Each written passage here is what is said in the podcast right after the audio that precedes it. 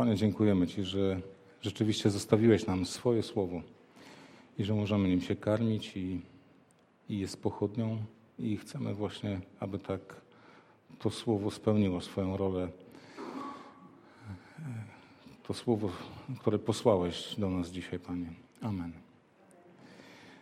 Przeczytam fragment z Ewangelii Jana z szóstego rozdziału, dlatego że jest to czwarty z kolei cud w Ewangelii Jana. Pierwszym było przemienienie wody w wino w Kanie Galilejskiej w drugim rozdziale. Drugim cudem było uzdrowienie syna dworzanina z Kafarnaum pod koniec drugiego rozdziału y, Ewangelii Jana. Potem kolejnym cudem był cud w piątym rozdziale Ewangelii Jana uzdrowienie od 38 lat chromego, który nie był w stanie poruszać się o własnych siłach przy, sadza, przy sadzawce Betesda. I kiedy, e, przepraszam, ten dworzanin to w czwartym rozdziale, pod koniec czwartego, czwartego rozdziału. I kiedy mamy świadomość tego, że Jan e, pokazał siedem cudów, które w każdy na swój sposób objawia to, kim jest Jezus Chrystus, możemy zbierać te wszystkie prawdy tam objawione w tych kolejnych cudach i układać je w całość, myśląc o tym, w jaki sposób, Jezu, yy, dziękuję, w jaki sposób Jan chciał nam pokazać Jezusa. Na koniec swojej Ewangelii mówi, że gdyby wszystkie te cuda miał opisać, wszystkie te znaki, które Jezus wykonał na ziemi, to nie starczyłoby e, miejsca, by pomieścić księgi opisujące te wszystkie, te, te wszystkie wydarzenia. Więc Jan tutaj dosyć tak selektywnie podszedł do przedstawiania nam Jezusa poprzez cuda. I nie jest to jedyny sposób, w jaki on ukazuje Jezusa. E, świadectwo Jana Chrzciciela też jest tym, co przedstawia Jezusa, świadectwo e, Ojca, na które powołuje się też Jezus, jest tym sposobem, który objawia nam Jezusa. Ale tutaj mamy w szóstym rozdziale Ewangelii Jana czwarty z cudów, e, który przeczytam od pierwszego do piętnastego wersetu.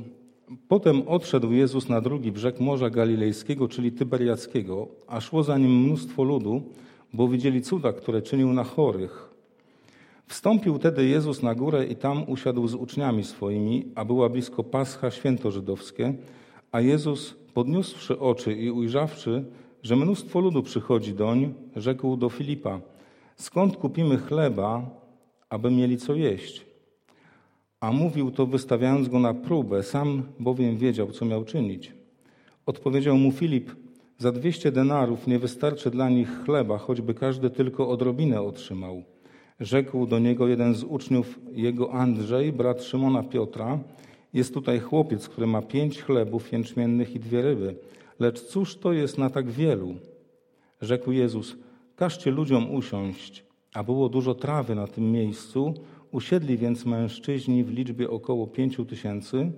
Jezus wziął więc chleby i podziękowawszy, rozdał uczniom, a uczniowie siedzącym podobnie i z ryb tyle, ile chcieli. A kiedy się nasycili, rzekł do uczniów swoich: Pozbierajcie pozostałe okruchy, aby nic nie przepadło. Pozbierali więc i z pięciu chlebów jęczmiennych napełnili dwanaście koszów okruchami pozostawionymi przez tych, którzy jedli. Wtedy ludzie, ujrzawszy cud, jaki uczynił, rzekli: Ten naprawdę jest prorokiem, który miał przyjść na świat. Dzięki temu, że wszystkie cztery Ewangelie opisują ten cud, możemy uzupełnić okoliczności i wszystkie szczegóły umieszczone też przez innych ewangelistów, jakby obrazujące w pełniejszy sposób to miejsce, czas i okoliczności. E, na przykład e, ewangelista Mateusz, który opisuje to właśnie wydarzenie w 14 rozdziale, mówi, że było tam 5 tysięcy mężczyzn oprócz niewiast i kobiet. Czyli nie była to liczba wszystkich uczestników tego cudu. Inni ewangeliści mówią też, że była późna pora, że był już wieczór, że apostołowie zauważyli, że to miejsce jest pustynne, że trzeba rozpuścić lud do okolicznych miejscowości, osad, aby znaleźli możliwość e, kupić żywność czy móc gdzieś tam przenocować. Że Łukasz pisze, że były to okolice Betsaidy. Betsaida, czyli mm, miejsce od północnej strony jeziora galilejskiego, czyli Tyberiackiego, czy też e, Genezaret. Takie trzy nazwy funkcjonowały na określenie tego morza. I ta Betsaida była od północnej strony, ale od y, strony zachodniej. Kafarnaum, do którego potem y, udali się po dokonaniu tego cudu, było od strony odwrotnie. Y, od zachodniej był, był, była mm, Betsaida, od wschodniej Kafarnaum. I e, to wszystko było w tej północnej części jeziora galilejskiego. I e, co, co ciekawe, mamy też nie tylko miejsce sprecyzowane, czyli jest to pustynne miejsce. E, mamy porę, że była późna, też porę w sensie kalendarzowym, że było blisko do Paschy, zbliżała się Pascha a więc przełom marca gdzieś i kwietnia, taka pora roku. E, z, z tego, co wiemy, w Izraelu Pascha była okresem, które nakładały się na pierwsze, zblony, e, na pierwsze plony i to plony jęczmienia właśnie. Potem 50 dni później, kiedy obchodzono pięćdziesiątnicę, to były to początki plonów pszenicy. Pszenica była cenniejszym zbożem od jęczmienia. W Apokalipsie, w szóstym rozdziale jest nawet taka proporcja tam umieszczona, że e, wartość jęczmienia była tylko jedną trzecią wartości pszenicy. Więc dosyć takie tanie i pospolite było to zboże. Nawet potocznie uważano, że jest ono bardziej odpowiednie dla koni i osłów niż dla ludzi. Więc posiadanie tych chlebów jęczmiennych oznaczało dość taki ubogi, ubogi posiłek. E, jest tutaj e, jakby czas przed Paską, więc przed, czas przed zbiorami. Chyba najtrudniejszy taki okres w rolnictwie, kiedy zjedzono to, co było zebrane wcześniej, nagromadzone przez, przez zimę, przyszła już wiosna, ale jeszcze nie ma plonów tegorocznych, więc trudno jest mieć jakieś zapasy o tej porze roku, a raczej wszystko już było na, na wykończeniu. Każdy czekał na te, na te pierwsze zbiory. I Jezus y, jest na górze, więc nawet mamy dokładny opis te, tej sytuacji. E, Jezus wstąpił na górę i tam usiadł z uczniami. A ludzie, którzy szli za nim, e, szli z, e, właściwie z takiej, powiedzielibyśmy, trywialnej przyczyny, bo widzieli cuda, które, które czynił na chorych. I ewangelista Marek opisuje, że uzdrowił, nawet w tym momencie, kiedy tam przyszli, uzdrowił wielu chorych. Także to, po co przyszli, otrzymali. Jedni chcieli może oglądać cuda, inni może chcieli ich doświadczyć na, na, na sobie czy na swoich bliskich. Y, Jezus tą potrzebę zaspokoił, sprawił, że można powiedzieć, że dostali co chcieli, ale też wykorzystał ten moment, żeby nauczać. Inni ewangeliści mówią, że też wykorzystał tą naturalną scenerię. On był na górze, ludzie pewnie poniżej. Wykorzystał możliwość nauczania tych ludzi, ale widzimy też, że miał takie miejsce podniesione, e, które doskonale no, kontrolowało, co dzieje się wokół. Więc Jezus był, jest powiedziane, że kiedy podniósł oczy, zobaczył tłumy ludzi. Zobaczył pięć tysięcy mężczyzn i towarzyszących im towarzyszące im dzieci, niewiasty, więc tłum naprawdę był liczny. I te okoliczności nie są bez znaczenia, ponieważ Jezus zwraca się do Filipa, e, skąd kupimy chleba, aby mieli co jeść. A Filip wiemy z Ewangelii Jana z pierwszego rozdziału, z 44 wersetu, że Filip był z, Bet z Betsajdy. E, mało tego, Filip był z Betsajdy, miasta Andrzeja i Piotra, więc to były rodzinne strony przynajmniej trzech apostołów. Betsajda to jest dosłownie dom rybaka. Wiemy, że Andrzej i Piotr byli rybakami, no Filip raczej nie, ale pochodzili stamtąd, więc są w swoich terenach, w których się urodzili, wychowali.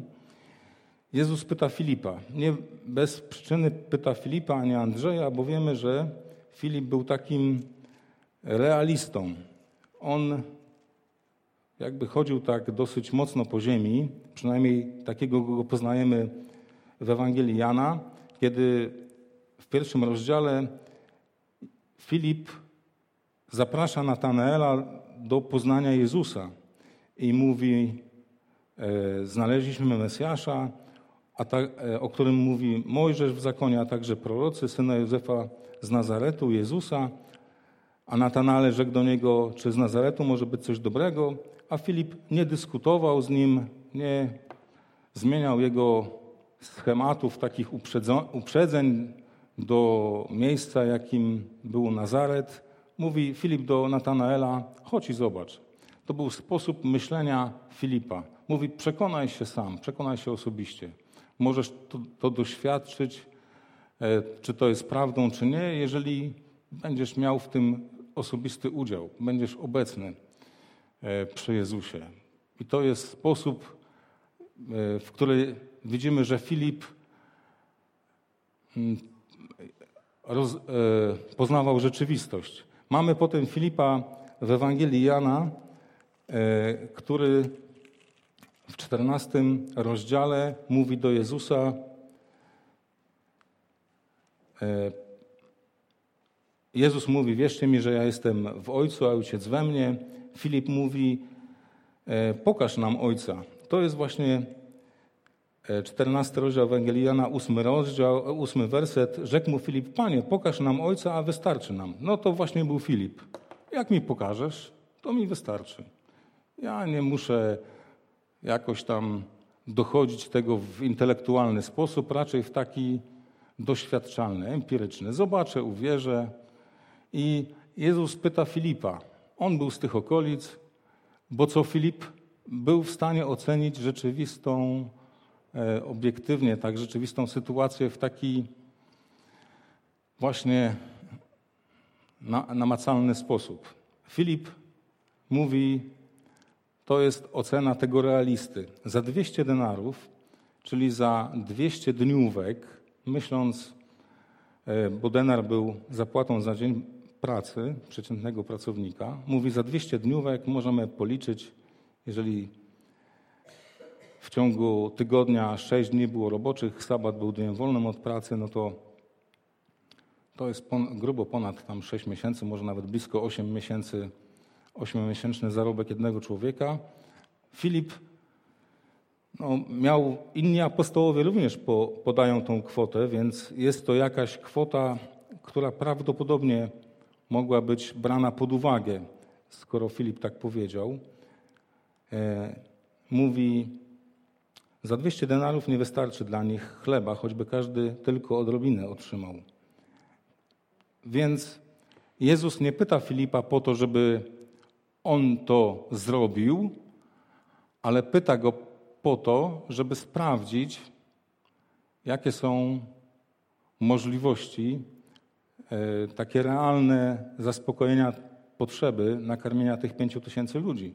Nawet jest powiedziane, że wystawiając go na próbę, ale też możemy to przetłumaczyć jako po to, żeby sprawdzić właśnie. Pyta Filipa po to, żeby sprawdzić, a nie po to, żeby Filip to wy wykonał swoimi, swoimi rękami czy swoimi możliwościami. Ciekawe jest również to, e, że Andrzej przychodzi, e, Andrzej przychodzi z, z pomysłem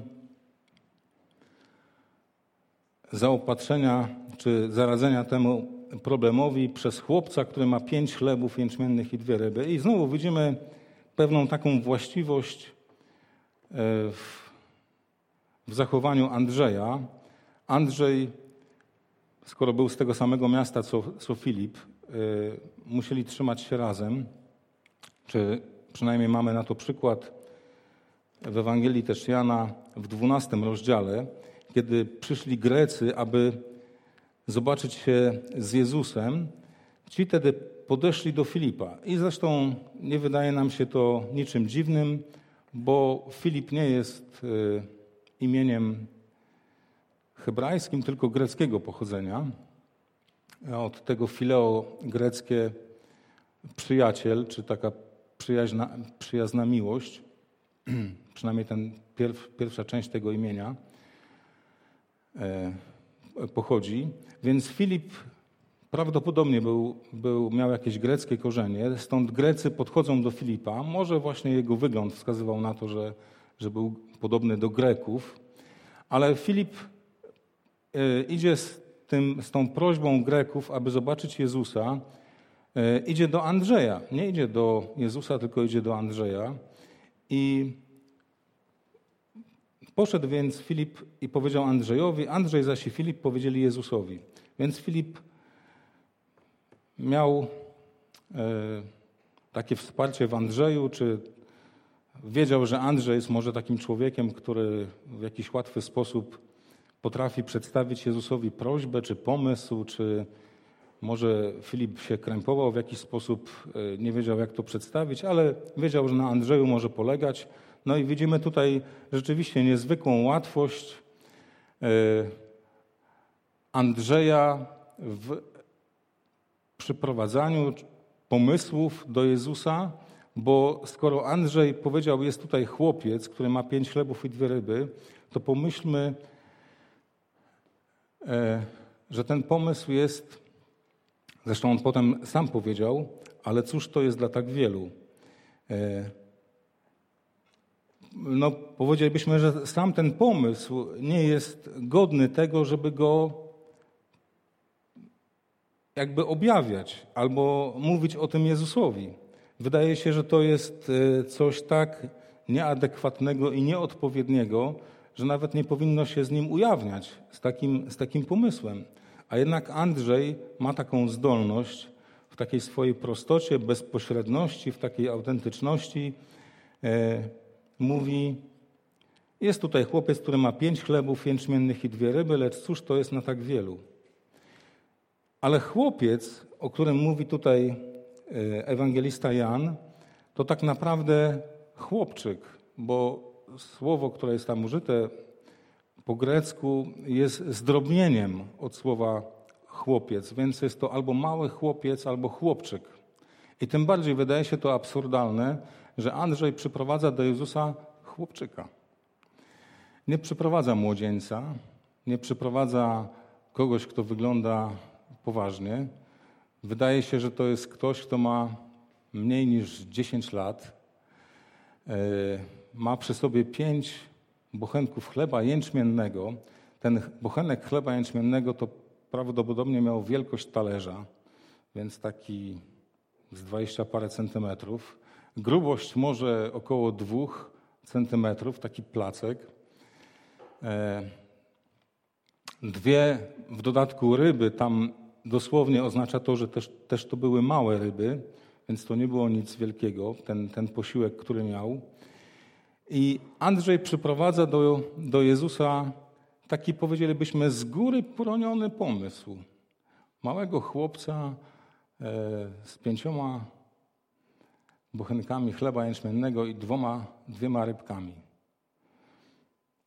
I Jezus nie mówi Andrzejowi, weź ty się chłopie zastanów. E, czy ty masz tą perspektywę, którą ja mam?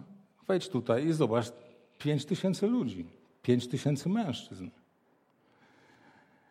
Andrzej w jakimś takim swoim może w takiej naiwności, może w takiej szczerości, jakby nie od razu reaguje właśnie w taki racjonalny sposób.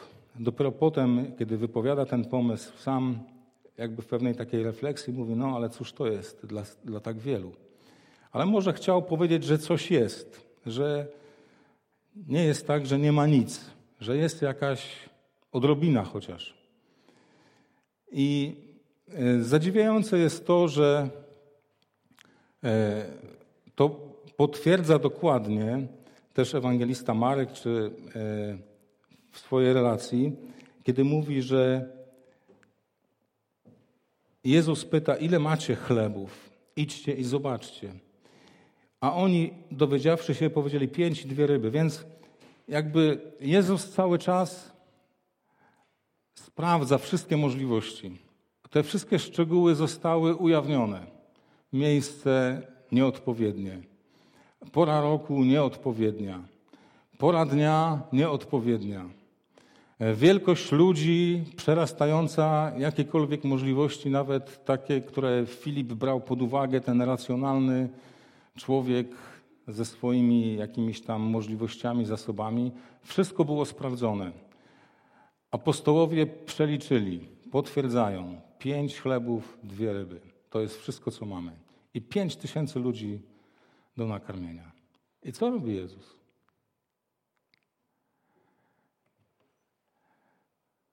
Bóg i człowiek w ciele. Od małego chłopca, od małego chłopca bierze pięć chlebów i dwie rybki. Bóg, który może wszystko. Niesamowita pokora, powiedziałbym. Pan wszechświata, król nieba i ziemi. Ten, który może zrobić wszystko. Bierze od tego chłopczyka to, co miał przy sobie. I co z tym robi? Najpierw dziękuję Bogu. Za to niewiele. Bóg Wszechmocny miał do dyspozycji wszystko, ale bierze ten skromny, ubogi posiłek i dziękuję za niego Bogu. Co to nam mówi o naszym Zbawicielu?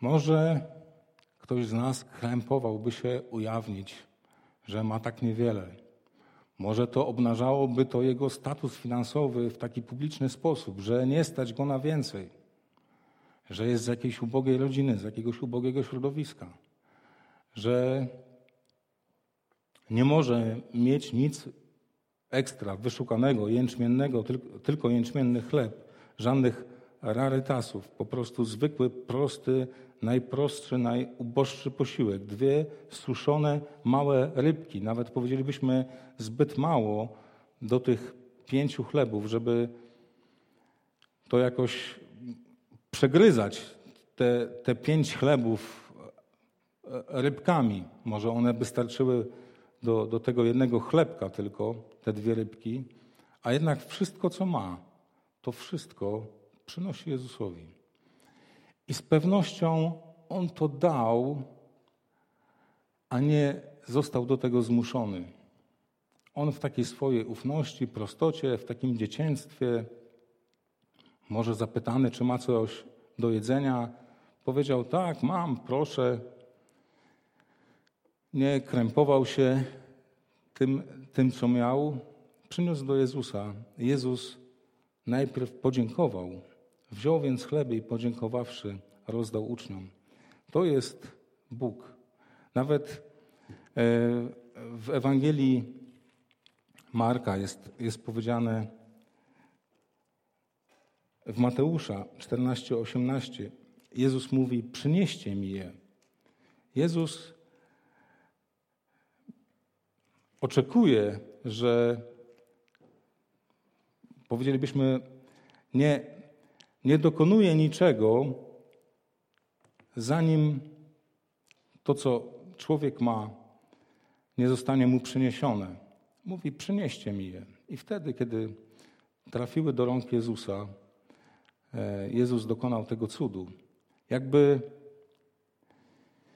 powiedział, że chce, żebyś miał w tym udział, w tym, co będę dokonywał za chwilę, jeżeli mi to powierzysz.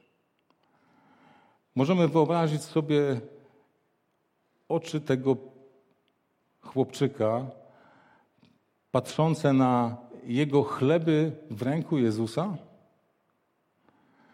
Ja myślę, że nie tylko oczy wypadły mu z orbit, ale i szczęka opadła po prostu na trawę, bo jeżeli widział, że z tych pięciu chlebów pięć tysięcy mężczyzn zostaje nakarmionych do syta i chlebami, i rybkami, bo jest powiedziane, że jedli tyle, ile chcieli. E, w pozostałych Ewangeliach jest wspomniane, że nasycili się, oni jedli do syta. Oni tam byli głodni, oni tam byli zmęczeni, oni tam byli już e, niejedzący ileś posiłków wcześniej. Większość z nich przynajmniej. Oni po prostu e, pochłaniali ten pokarm w takiej ilości, jak głodny człowiek dorwie się do stołu i może najeść się dosyta. Możemy wyobrazić sobie zdumienie tego chłopczyka, który mówi: To niemożliwe. To było tylko pięć chlebków. Nosiłem je cały dzień ze sobą. I w rękach Jezusa stały się one pokarmem dla takiego wielkiego tłumu?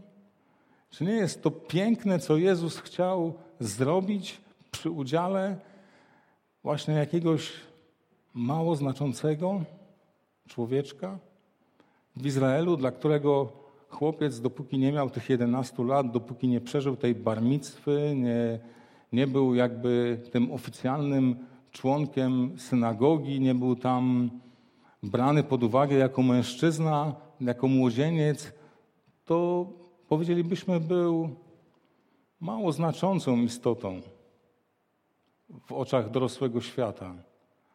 A Jezus chce, żeby on miał udział w tym cudzie. Taki właśnie pogardzany przez świat dorosłych, nie mający znaczenia, właściwie w każdym sensie ktoś, kto powinien być przy matce,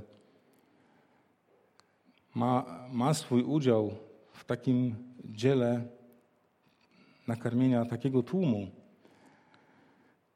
I co Jezus chce nam powiedzieć przez tą historię, przez ten cud? Właśnie po pierwsze nie pogardza odrobiną. Nie pogardza niczym, nie pogardza nikim. Tak jak Nehemiasz, o którym czytaliśmy tydzień temu, nie pogardzał żadnymi rękoma do pracy. Czy ktoś był biedny, czy bogaty, czy pochodził ze znamienitego rodu, czy był sługą, niewolnikiem, jeżeli był gotowy przyłożyć ręce do dzieła Bożego, był mile widziany i był zaproszony do udziału w budowaniu tego dzieła. I podobnie Jezus tutaj widzimy, że Jezus nie pogardza żadnym człowiekiem, żadnym dobrem, które jest w posiadaniu człowieka, żeby wykorzystać to, co ma ten skromny człowiek dla swojej chwały i dla dobra innych, ale również i dla jego samego. On mógł może wcześniej mieć tylko dwie rybki, żeby je zjeść, ale później mógł najeść się tymi rybkami dosyta. Więcej nawet on sam otrzymał niż, niż dał Jezusowi. Nawet kiedy zebrano 12 koszów pełnych okruszyn, e, myślę, że po prostu z radością i w podskokach e, otaczał te 12 koszów pełnych tych okruchów i mógł mieć nawet z nich potem jeszcze dłużej e, ucztę czy korzyść.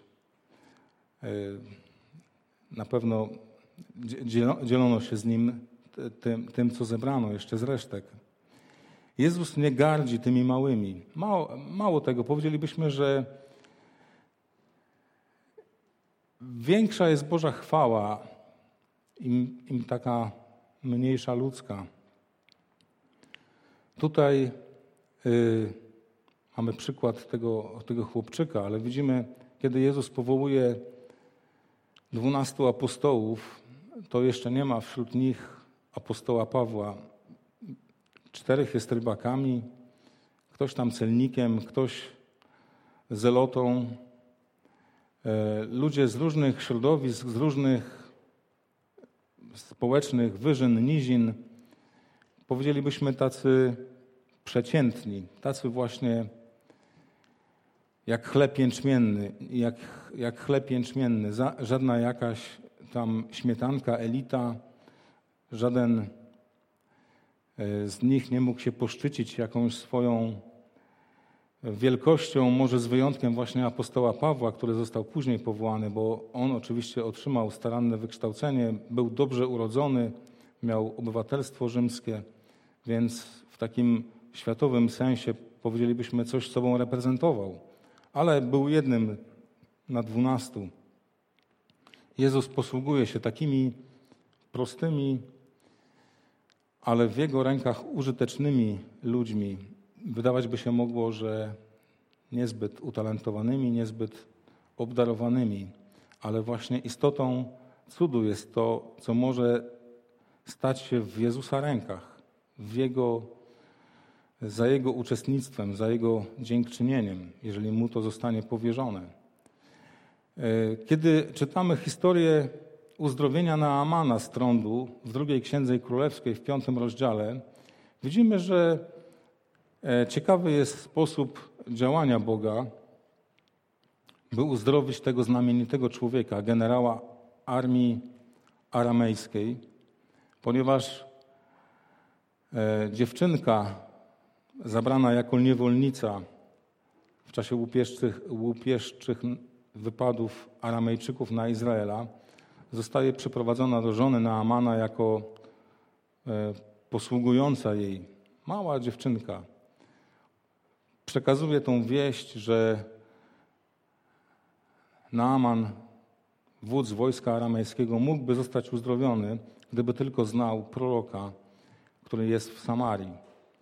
I ta prosta wieść staje się jakby tym początkiem nici, która prowadzi Naamana do, do Samarii, do, do proroka, który uzdrawia, do Elizeusza, który uzdrawia jego strądu. Widzimy, że to jest takie właściwe dla działania Bożego.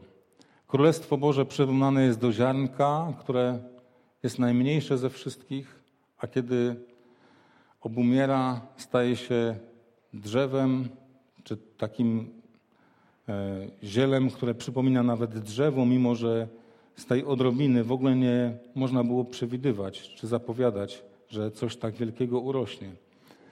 Zawsze Jezus jakby zaczyna od czegoś niewielkiego, mało znaczącego, skromnego w oczach świata, takiego przeciętnego, pogardzonego, ale przy Jego udziale, przy Jego błogosławieństwie, przy Jego dziękczynieniu e, czyni to coś skromne czymś wystarczającym do rozwiązania potrzeby, jaka, e, jaka jest wokół. I jeden e, z, ka, z kaznodziejów XIX-wiecznych, Charles Spurgeon, powiedział, że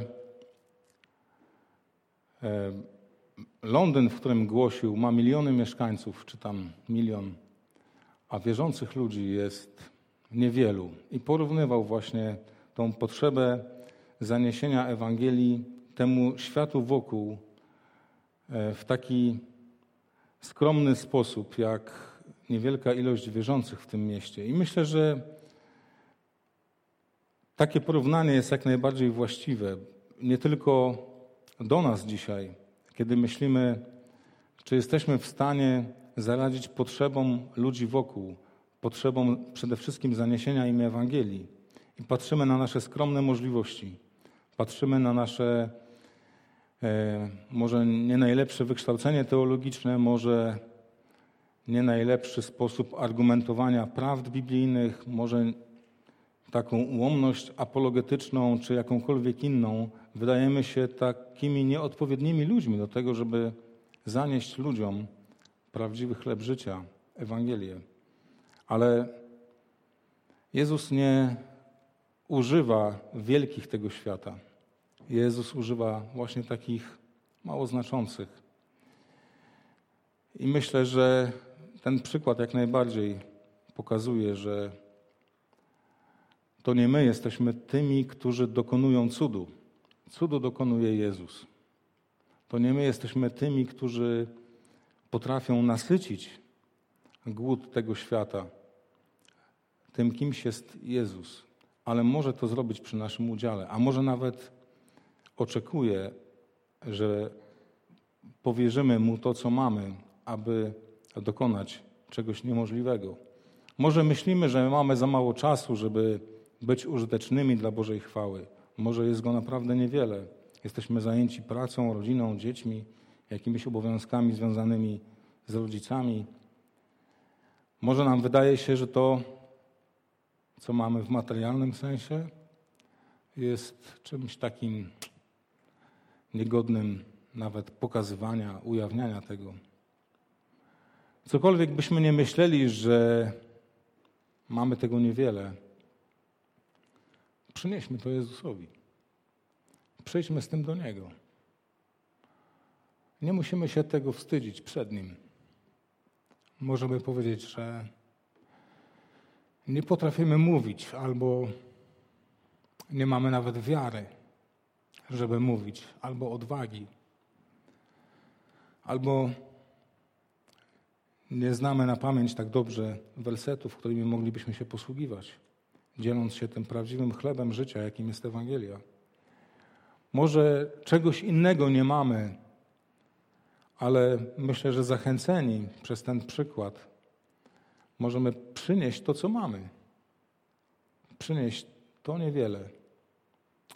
Niewiele umiejętności, niewiele możliwości, niewiele czasu, niewiele pieniędzy, niewiele znajomości, niewiele tego wszystkiego, co mamy. To niewiele plus Jezus może wiele. Ale to niewiele bez Jezusa może cały czas niewiele. To niewiele, co mamy, możemy patrzeć tak jak Andrzej. Pięć chlebów, dwie ryby, tyle ludzi. Może nie warto próbować w ogóle. Może nie warto nawet zaczynać, ryzykować. Może trzeba poczekać, aż będzie więcej. To jest takie właściwe, myślę, nam rozumowanie. Ale Jezus mówi: przynieś to, co masz. I to musi trafić w Jego ręce. Musisz to wziąć ze swoich rąk i dać Jemu. I już nie jest Twoje. I on zrobi z tego użytek. Chłopiec nie zostawił sobie jednej rybki. Dał wszystko, co miał, ale dostał więcej. To jest ekonomia tylko Bożego Królestwa. Po ludzku takie rzeczy nie dzieją się, ale Bóg taki jest. Bóg nie pogardza niczym, naprawdę niczym ani nikim. Nawet jeżeli sam o sobie myślisz, że nic nie znaczysz, w Bożych rękach znaczysz wiele, ale w Jego rękach. I Jemu niech będzie chwała za to. Amen.